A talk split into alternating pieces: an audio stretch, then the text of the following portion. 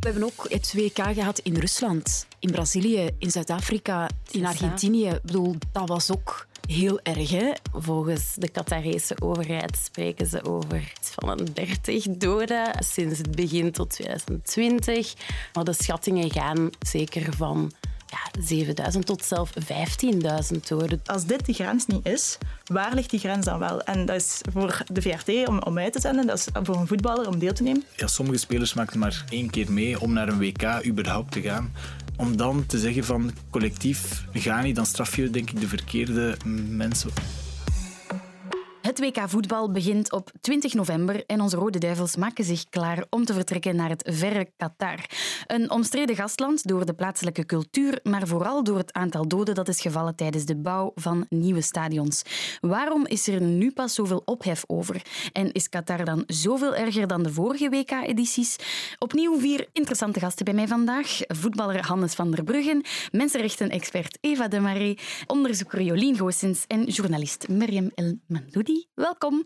Ik kan het niet hebben over het WK zonder een voetballer aan tafel uit te nodigen. Hè? Hannes, welkom. Jij bent Hannes van der Brugge en je voetbalt voor Cercle Brugge. Wat kom jij vertellen? Dan? Wel, ik zit hier eigenlijk een beetje aan tafel voor de sportieve kant van het verhaal. En ook omdat ik vind dat voetbal wel um, een maatschappelijke rol te spelen heeft, ook in alle geledingen van de sport. Zowel in vierde provinciale als in internationale voetbal. Eva de Marie, jij werkt voor mensenrechtenorganisatie 1111, mag ik dat zo noemen? Hey, ja, dat mag je zeker. dat mag je wel doen. Ja, we zijn eigenlijk de Belgische koepel voor internationale solidariteit. Mhm. En wat kom jij hier doen vandaag? Ik kom spreken over de mensenrechten situatie in Qatar. Oké. Jolien Goossens, jij bent onderzoeker, maar jouw onderzoek gaat absoluut niet over Qatar. Wat doe jij hier vandaag aan tafel? Nee, dat klopt. Ik ben begonnen bij een lezen over het WK in Qatar. En vanuit een soort van verontwaardiging mijn opiniestuk beginnen schrijven met redenen waarom ik vind dat we niet mogen deelnemen aan het WK. En uh, Merem Elmandoudi, dag collega. Hi. Jij werkt voor Karuit en je was van plan om naar Qatar te gaan, maar je gaat toch niet. Nee, ik had een heel groot ambitieus plan. We zouden iets gaan doen met het WK, maar wij zijn gestoten op van alles, waardoor dat wij hebben moeten beslissen, wij kunnen eigenlijk niet gaan. Superspannend, goede teasing, daar gaan we het straks verder over hebben. Hoe moeten gastarbeiders in Qatar werken? Waarom zendt de VRT dat WK En een boycott van die wedstrijd, is dat eigenlijk wel nuttig? Dat hoor je allemaal in deze aflevering. Ik ben Aurélie en je luistert naar Snapt je mij?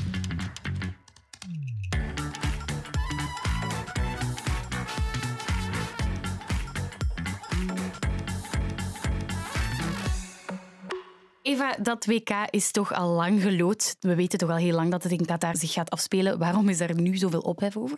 Maar er is eigenlijk wel al vrij lang ophef over. Ik denk dat al tien jaar NGO's en middenveldsorganisaties zich wel aan het uitspreken zijn over de situatie. Mm en proberen onder de aandacht te brengen. En ja, nu natuurlijk in de aanloop naar het eh, WK dat zich gaat plaatsvinden, worden we gewoon luider en luider. Mhm. En de vierde macht speelt ook een grote rol, hè? en dat zijn wij. De journalist. Ja, ja.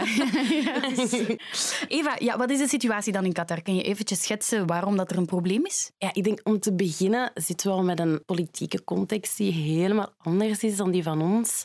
Wij leven in een democratie ja, daar is allemaal geen sprake van in Qatar. Dat is een absolute monarchie. Dus die emir die is niet verkozen door het volk. Die maakt deel uit van de elite. En die houdt die elite ook in stand. En we spreken over een elite die vrij conservatief is, die paternalistisch is. En ja, dat heeft ook wel zijn gevolgen voor mensenrechten, voor de ruimte voor het middenveld mhm. in Qatar. En er is nu zoveel ophef over, ook omdat uh, The Guardian vorig jaar met een rapport is gekomen met een artikel met de kop dat er 6500 doden waren gevallen bij de bouw van die nieuwe stadions.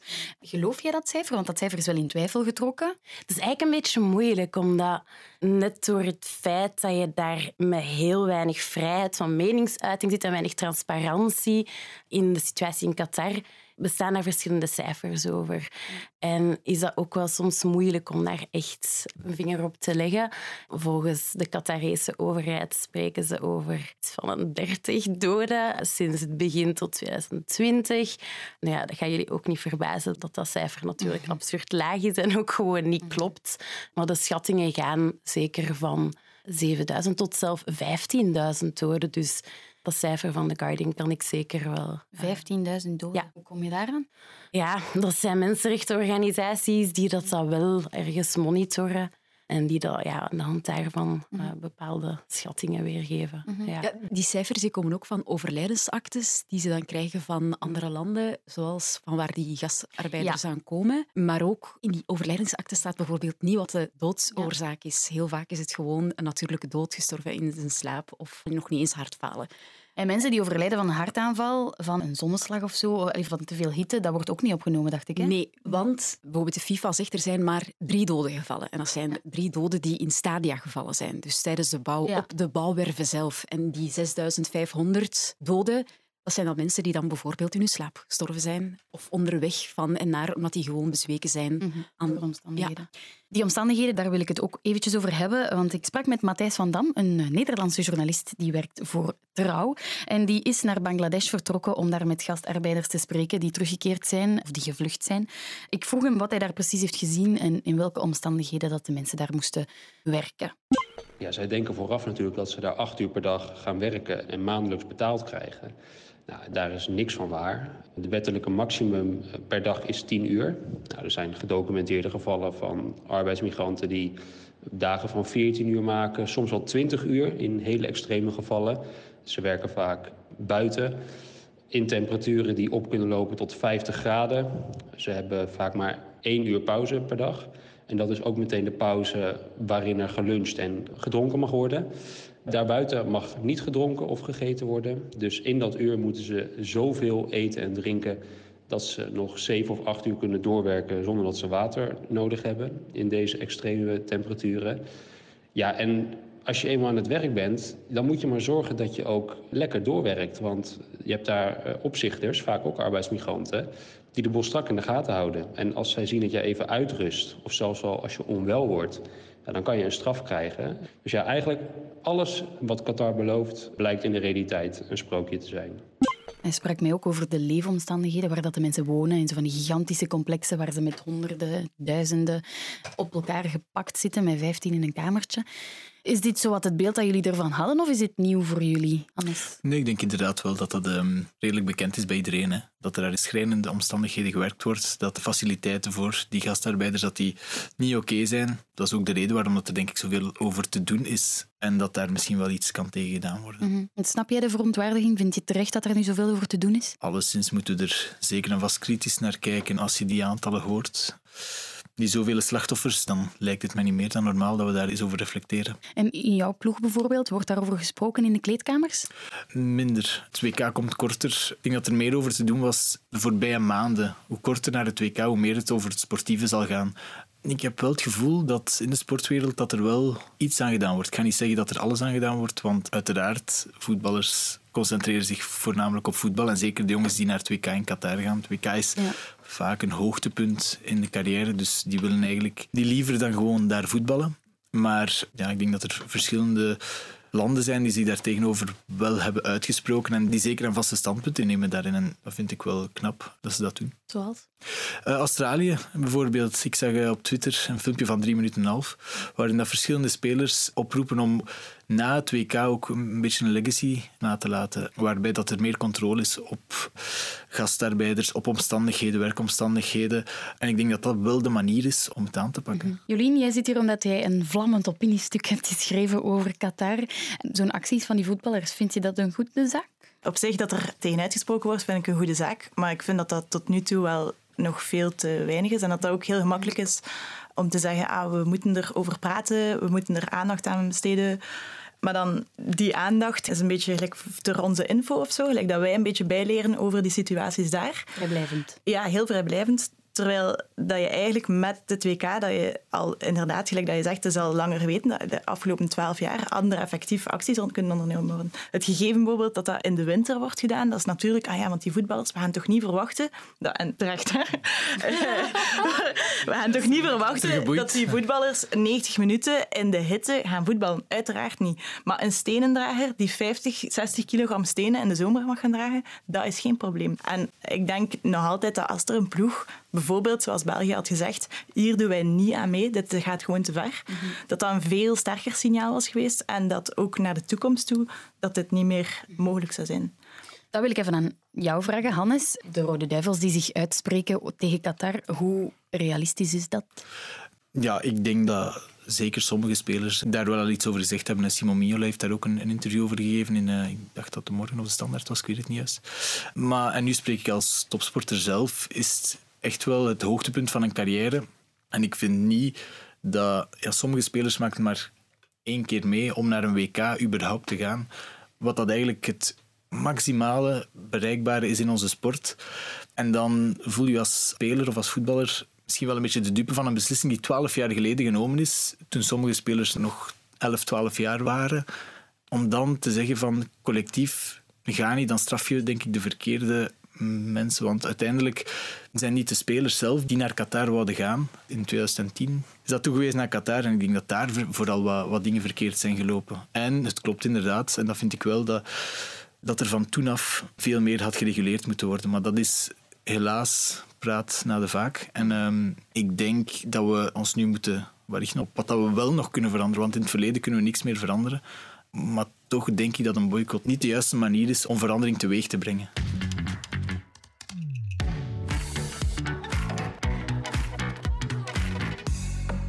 VRT is het enige bedrijf in België dat rechten heeft om het WK uit te zenden. We krijgen dan vaak de vraag waarom doet een openbare omroep daaraan mee? Ik vroeg het aan eh, Jan Sulmond, woordvoerder van de VRT. Het is sowieso de rol van VRT Nieuws om neutrale en onafhankelijke journalistiek te brengen over Qatar. Over de huidige situatie in Qatar, de mensenrechten, de slavernij, de doden bij de bouw van de stadions. Tegelijk maakt het WK voetbal wel deel uit van de internationale actualiteit. En heel veel Vlamingen beleven het WK voetbal natuurlijk heel intensief en supporteren voor de Rode Duivels. Het WK heeft een grote nieuwswaarde op het gebied van sport, maar ook een maatschappelijke beleving. Sporza brengt daarbij de Rode Duivels en de voetbalwedstrijden. VRT Nieuws brengt uh, de actualiteit. Ja, het WK heeft een grote nieuwswaarde, zegt onze woordvoerder. Jolien, jij bent niet akkoord met het feit dat de openbare omroep dit zou moeten uitzenden? Ik zou het een supersterk teken vinden, moest VRT kiezen om dat niet uit te zenden. Ja, dat is ook wat ik in de opiniestuk schreef. Gewoon, als dit de grens niet is, waar ligt die grens dan wel? En dat is voor de VRT om uit te zenden, dat is voor een voetballer om deel te nemen. Lijkt ook dat je zei, maar ja, dat is de ene kans dat je hebt of zo. En dat snap ik natuurlijk, maar toch denk ik dat jij ook, als je voor jezelf zou nadenken, van dat er wel ergens een grens zou liggen. Dat je zegt, oké, hier zou ik niet aan deelnemen. En voor mij is dat de onderdrukking, de exploitatie, de corruptie. Er is gelijk te veel. En ook iets is eh, belangrijk, denk ik, dat we hebben net gepraat over FIFA en over dat die een grote verantwoordelijkheid hebben die ze eigenlijk helemaal niet nemen. Ik denk dat er niemand nog twijfelt en dat er enorm veel corruptie is gegaan bij de keuze voor Qatar. Dat die organisatie ook gewoon een gigantisch probleem heeft met de enorme sommen geld en met de enorme corruptie dat er in die organisatie heerst. En dan is ook het gegeven waarbij je zegt, ah, moet de VRT dit uitzenden of niet? Dan denk ik dat het eerste dat de VRT zou moeten doen, is glashelder ook aangeven welke overeenkomst dat VRT en FIFA hebben. Maar bijvoorbeeld, je zou ook acties kunnen doen vanuit de VRT, dat ze zeggen, oké, wij vinden dat echt absoluut onaanvaardbaar. Ja, bijvoorbeeld, je zou kunnen zeggen, we gaan een match uitzenden, maar als beeld krijg je eigenlijk de werkersomstandigheden te zien en je hoort het gejuich van, ah ja, Kevin De Bruyne heeft de bal. Of dat je eigenlijk het contrast zou kunnen nageven tussen het feest rond voetbal eigenlijk de absolute uitbuiting van superarme mensen. Ja, ik snap het gevoel en als mens, I'm with you. Maar ik denk dan, dat is wel heel activistisch. En ik weet niet of dat de rol is van de openbare omroep. Omdat wij nog altijd de verantwoordelijkheid hebben om mensen te informeren en ook over het sportieve luik. En ook over het voetbalfeest. Miriam, ben jij voor een boycott? Vind jij dat een goed idee? Dat had eerder moeten gebeuren. Dat had tien jaar, twaalf jaar geleden had het heel anders moeten zijn dan nu. Nu denk ik, wij zijn hopeloos te laat. En nu kunnen we maar hopen dat de omstandigheden voor arbeidsmigranten in Qatar, dat die er effectief beter op worden. Dat wanneer heel dat WK-circus afgelopen is, dat het inderdaad beter wordt voor arbeidsmigranten. Want die arbeidsmigranten die blijven daar forever, want die zitten daar met zoveel. Qatarezen die werken niet in de bouw, dat doen die niet. Die zijn superrijk, dat is een van de rijkste landen ter wereld dat is eigenlijk nu waar wij naar zouden moeten kijken. Gaat het beter worden? En kan het gecontroleerd worden? En kunnen we dat afdwingen? Ja. Ik denk dat het nu veel te laat is om te praten over een boycott. Alle ogen zitten nu op Qatar. Misschien is het wel een keer een goede opportuniteit om daar Jij vindt niet dat we dat als media moeten boycotten? Het is moeilijk. Ik, of er niet naartoe ik heb, gaan? Ik heb ook een paar artikels gelezen waarin dat alles geleid werd. Dat journalisten dat er altijd een waakhond van de emir meegaat. Dus dan is het inderdaad denk ik heel moeilijk om een objectief verslag of een objectieve berichtgeving te hebben beginnen in Qatar. Hè. Um, dat ga ik inderdaad aan jou vragen, Miriam. Jij, you tried. Ja, we hebben geprobeerd om te gaan. De FIFA-accreditatie zelf, dat was geen probleem, dat kwam heel snel in orde. Maar we kwamen er heel snel achter dat wij buiten of naast het voetbalgebeuren eigenlijk voor alles toestemming nodig hebben. Dus om zelfs een bloemetje op straat te filmen, daar hadden we zelfs toestemming voor nodig. Scholen en sportacademies die sluiten met de start van het WK. Dus wij zouden niet zomaar naar een sportacademie kunnen gaan om eens te praten met kinderen, met Qatarese kinderen, met expatkinderen, om eens te checken van, ja, Qatar, wat voor een land of wat voor een sportland is dat? Want jullie hebben toch eigenlijk heel weinig met sport. Dat zou dus gewoon niet gegaan zijn omdat het gesloten is. Denk je dat die zijn gesloten? Om... Ik, jawel, jawel, want ze zeggen van ja, vervroegde wintervakantie, maar ik ben er zeker van dat dat is om mensen af te schermen, want Qatarezen en ook expats mogen geen journalisten en cameraploegen thuis ontvangen. En dat is wel wat journalisten doen. Mhm. Ik ben ook voor het EK voetbal naar Sevilla gegaan, waar ik naar een Vlaams gezin ben geweest. Over hoe is het eigenlijk om in Spanje te wonen en om het over de voetbalbeleving te hebben. En ja, dat, dat ging niet. Het enige wat je kon doen is in het stadion filmen en uh, waar de supporters zijn. In een klein supportersdorpje ergens op de corniche aan het water. Ja. Dat was het. Mhm. Dus dan brengen we enkel en alleen het voetbalfeest. En dat vonden wij als Karwiet eigenlijk mega onverantwoord. Want ik zou dan helemaal niet kritisch kunnen zijn. Ik zou mijn job daar als journalist niet kunnen doen. Ik zou niet een explainer kunnen maken over de bouw van de stadions. Over hoe erg dat het eigenlijk is. Dus daarom dat wij besloten hebben om niet te gaan. De VRT gaat er wel zijn. De sportredactie. De sportredactie gaat er wel zijn. En, en dat is heel opvallend. En dat is ook zo bij andere, in andere landen. Alle sportredacties hebben wel een accreditatie om, om alles FIFA gerelateerd te gaan filmen. Maar alle buitenlandjournalisten mogen niet binnen of krijgen geen accreditatie om daar te gaan filmen. Zijn er daar bepaalde plannen rond om dat toch wel ergens die nuance te brengen? Disclaimers of... We gaan het gaan wij doen bijvoorbeeld, want wij gaan gewoon van hieruit onze reportages en video's wel maken. Dus we gaan dat gewoon blijven doen. En we gaan dat ook benoemen. Eigenlijk zou ik nu op dit moment in Qatar zijn en reportages maken en kinderen en mensen en voetballers gaan interviewen. Maar omdat de Qatarese overheid mij nergens en voor niks toestemming geeft, hebben we besloten om niet te gaan. Dus dat gaan we wel heel duidelijk benoemen, dat kinderen heel goed weten waarom dat we daar niet zijn. Omdat ze het wel gewend zijn dat we dat heel goed volgen en dat we daar wel zijn. En we gaan van hieruit wel heel kritisch kunnen zijn. Veel kritischer dan als ik in Qatar zou zijn, want daar zou ik gewoon in de gevangenis mm. kunnen belanden. dat zei mijn baas letterlijk en dat gaan we niet doen.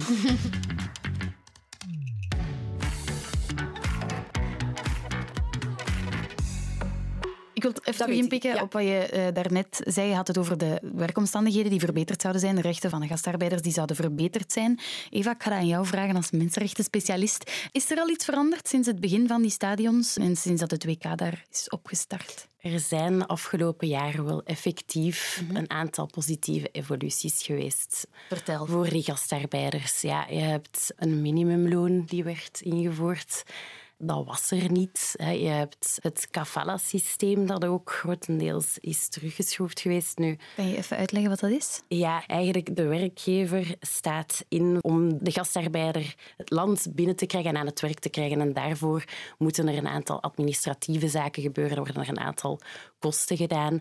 Wat maakt wel dat er van in het begin al dat de werknemer of de gastarbeider heel erg afhankelijk is van die werkgever. Mhm. Wat komt daaruit? Ja, misbruik en uitbuiting en arbeiders die werken voor een appel en een ei en soms heeft moderne slavernij. Het paspoort is ook afgepakt van het moment Voilà. dat die het, het land Ja, binnenkwamen. Want dat, dat is dan nog zoiets. Die mochten dan ook niet zomaar veranderen van werk. Ze zeggen van oké, die hadden dan door van wij werken hier onder onmenselijke omstandigheden, 18 uur op een dag, 7 op 7, onder de brandende zon. En misschien dat er wel een andere, betere aanbieding ergens was. Maar zij konden niet zomaar onder dat contract onderuit. De werkgever had echt allemaal... Zij konden het land niet uit. Want de werkgever kon hun aanklagen en daar stonden echt ja, zware gevangenisstraffen tegenover. En op dat vlak zijn er wel al een aantal zaken positief geëvolueerd. Het is niet de FIFA of het WK dat aan zich dat voor die veranderingen heeft gezorgd.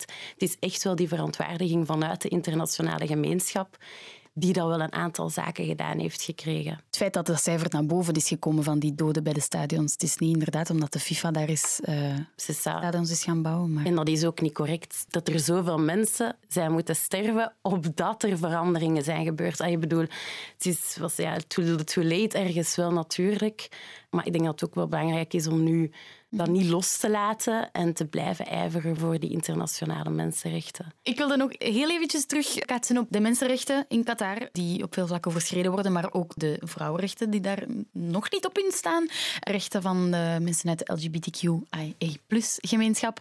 En toch zegt de emir dat iedereen welkom is. Geloven jullie dat? Ik geloof zeker dat hij zegt van iedereen welkom, maar heb wel respect voor onze cultuur. Dat is exact wat hij heeft gezegd. Maar dat wisten wij van in het begin. Dat wist de FIFA ook. Dus ja, wat hadden we gedacht? We hebben ook het WK gehad in Rusland, in Brazilië, in Zuid-Afrika, in. Argentinië. Dat was ook heel erg, hè, om daar een WK te gaan organiseren. Ik bedoel, dat gaat al jaren mee en het verbetert niet.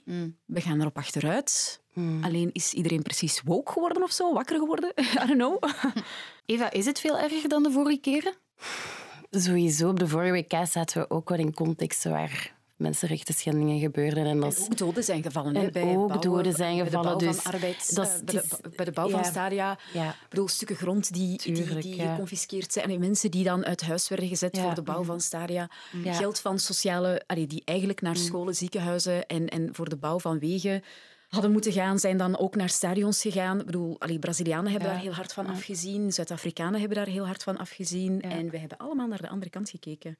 Want als we het hebben over LGBTQI+-rechten, dan doet Rusland het echt niet beter, hoor. Ik bedoel, tijdens het WK in Rusland mochten ook niet zomaar overal alcohol drinken.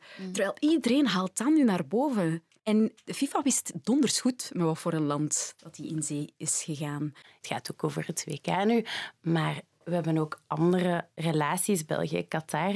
Bijvoorbeeld als het gaat over energieafhankelijkheid.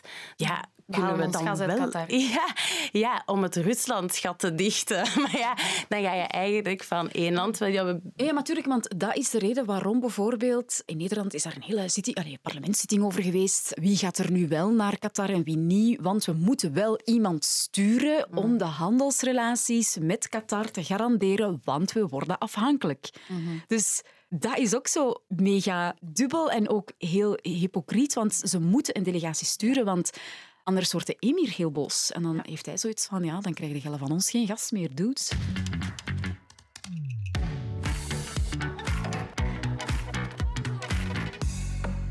Hannes, als voetballer, wat vind jij van Qatar als sportland? Want er is al verschillende keren gezegd, Qatar is geen sportland. Wat vind jij van die toewijzingen? Ehm, ik denk dat de, de emir dat hij daar echt wel zwaar op inzet. Ik denk Ja. dat de Aziatische spelers zijn daar ook... eh, hij zal ook wel weten waarom. Om inderdaad een beetje sportwashing, om, om, om Qatar te gebruiken.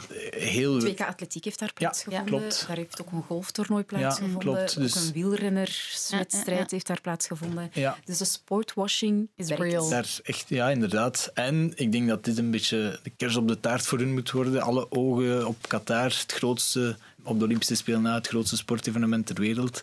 Dat daar gaat in één stad, nota bene. Ik denk dat alles rond Doha zal doorgaan. Qua infrastructuur vind ik het ook mo- moeilijk. Ik heb er zo wat moeite mee dat er zoveel nieuwe stadions gebouwd worden, terwijl dat overal ter wereld zijn er al eigenlijk heel veel perfect valabele stadions. Want er was er al eentje en Ja. dan hebben ze er zeven bijgebouwd. Ik vraag me af waarom. Ik snap voor het WK, Mhm. maar wat gaat er met die stadions gebeuren na 2K. Dat vind ik een beetje wraakroepend. Omdat, dat zien we in Zuid-Afrika ook. Ik denk dat er heel veel stadions verloederd zijn gewoon. En is niet alleen stadions, het is ook eh, een heel nieuw metrostelsel. Ja, 100, klopt. honderdtal hotels. eh, wat was nog allemaal? Een nieuwe luchthaven, Maar nieuwe dat is wat wegen. Qatar hoopt, hè, natuurlijk, dat het toerisme ook wordt Mm. opgekrikt. Hè. Mhm. Dat wij daar massaal op vakantie gaan. ja, ik weet niet of dat, dat zal lukken. Zeker niet als ik op vakantie ga, denk ik niet dat ik zeven stadions zal bezoeken. Ook niet als voetballer. Zelf niet als voetballer. Maar bij de Olympische Spelen is dat ook soms. Hè. Er worden heel veel nieuwe dingen gebouwd, speciaal voor x aantal weken. En nadien vind ik dat we ons soms een beetje de, de vraag moeten stellen, is het dit allemaal waard? Terwijl dat we perfecte stadions in Amerika, Zuid-Amerika hebben we ook wel redelijk wat stadions. Azië, Japan. Waarom moeten we dan op zo'n korte termijn van 12 jaar nieuwe stadions gaan bouwen waarbij dat zoveel om te doen is? We hebben ook een paar eh, voetballers proberen bellen hier op de redacties, maar er zijn er heel weinig die mogen babbelen. Ik eh, was... ja, baas dat je zo snel toe zei. Heb jij regels opgelegd gekregen vanuit jouw Hmm, vereniging? Ingrid, net op tijd gecorrigeerd. Perfect. Perfect. Nee, nee absoluut niet. Allee, ik vind natuurlijk ook wel dat, dat wij ook een eigen mening mogen hebben. Hè. Ik ben geen robot dat zomaar een mening van iemand anders moet aannemen. En ik heb dat gezegd bij ons op Cerkel en daar was geen enkel probleem rond. Dat is ook gewoon mijn persoonlijke mening. Ik spreek niet voor Cerkel, ik spreek... eh. Ik moet nu wel even uitleggen waarom ik geen club mag zeggen, hè, want anders gaan de Ja, luisteraars zich Cercle vragen Brugge stellen. en Club Brugge zijn stadsgenoten, maar dat impliceert dus ook dat zij vijanden zijn. Al, vijanden is een heel groot woord. Ja, rivalen. Inderdaad, vijanden. Rivalen zijn en... ehm, Mega's. ja, voilà, voilà. En Club Brugge wordt door iedereen aangesproken als club. En op Cercle hebben ze dat niet zo graag. Dus Cercle noemt zich zeer graag de vereniging. De vereniging. Een beetje, je mag ook Cercle zeggen. Ja, ik doe mijn best voor de laatste vijf minuten. Gaan jullie kijken? Ik vind dat wel een moeilijke, want ik denk dat veel Belgen, en inclusief ikzelf, eigenlijk ook wel uitkijken naar die sportieve prestaties. En sport en cultuur, dat bindt en dat gaat over grenzen heen. En dat mag ook zeker naar waarde geschat worden, maar wat niet mag gebeuren is dat we oogkleppen ophouden voor die mensenrechten schendingen. Dus En dat is wel wat de VRT doet. Hè. Ja. Dus wij brengen wel natuurlijk de sportieve beleving, maar even hoe brengen wij de podcast zoals deze? Heeft Franks reportages? Zijn er nog andere podcasts daarover? En zijn we daar helemaal ja. blind voor? Maar als het dan zo over ga ik zelf kijken, dus ik ben er nog niet 100% aan uit, maar als ik kijk, en dan is dat gezellig met vrienden, maar dan ga ik die ook wel even keihard lastigvallen en proberen hun bewust te maken. En op professioneel vlak uiteraard ook onze beleidsmakers aan de mouw trekken en ehm, blijven eisen dat die zorgplichtwet tot stand komt. komt. Mariam, ga jij kijken? Het journalistieke plicht. Ik ga daar reportages maken. Ik het daar maar op. Ja, ja. Ehm, er zijn wel matches van de Rode Duivels die ik wel ga volgen met vrienden thuis. Ja, ja. Hannes, van jou moet ik het niet vragen. Ja, wij zitten op het vliegtuig. Net het moment dat Marokko speelt. We zijn op stage. Oei. We vertrekken op stage. Maar Dus- kijk, Karabit gaat het uitgebreid brengen. Dus ehm, Uitgesteld op VRT Max. Perfect, perfect, voilà. Kijk, meteen een, meteen een, eh, een reden om, om, om naar Caribe te kijken. Jolina, moet ik het ook niet vragen, zeker? Eh, ja, nee, moest dat nog niet duidelijk zijn, ik ga niet kijken. Ehm, het is misschien een beetje een, een plastisch beeld of zo, maar dat ze gelijk zeggen dat ze aan het voetbal spelen zijn op een kerkhof. Eh, dat, dat, zou- dat beeld hangt te hard in mijn hoofd om daar nog van te kunnen genieten. Ja. We kunnen niet, meer, niet veel meer doen aan de uitzending, maar hopelijk wordt er na het WK dan nog steeds gemonitord wat er daar gebeurt. Dank jullie wel om tot hier te komen, Hannes, Eva, Jolien en Mariam. Waar probeer jij jouw vrienden van te overtuigen? Waar lig jij s'nachts van wakker? Stuur me al jouw ideeën door via de Instagram-pagina van VRT Nieuws of stuur me een berichtje op Twitter via Aurélie-Boffé. En misschien ben jij wel te gast in mijn volgende aflevering.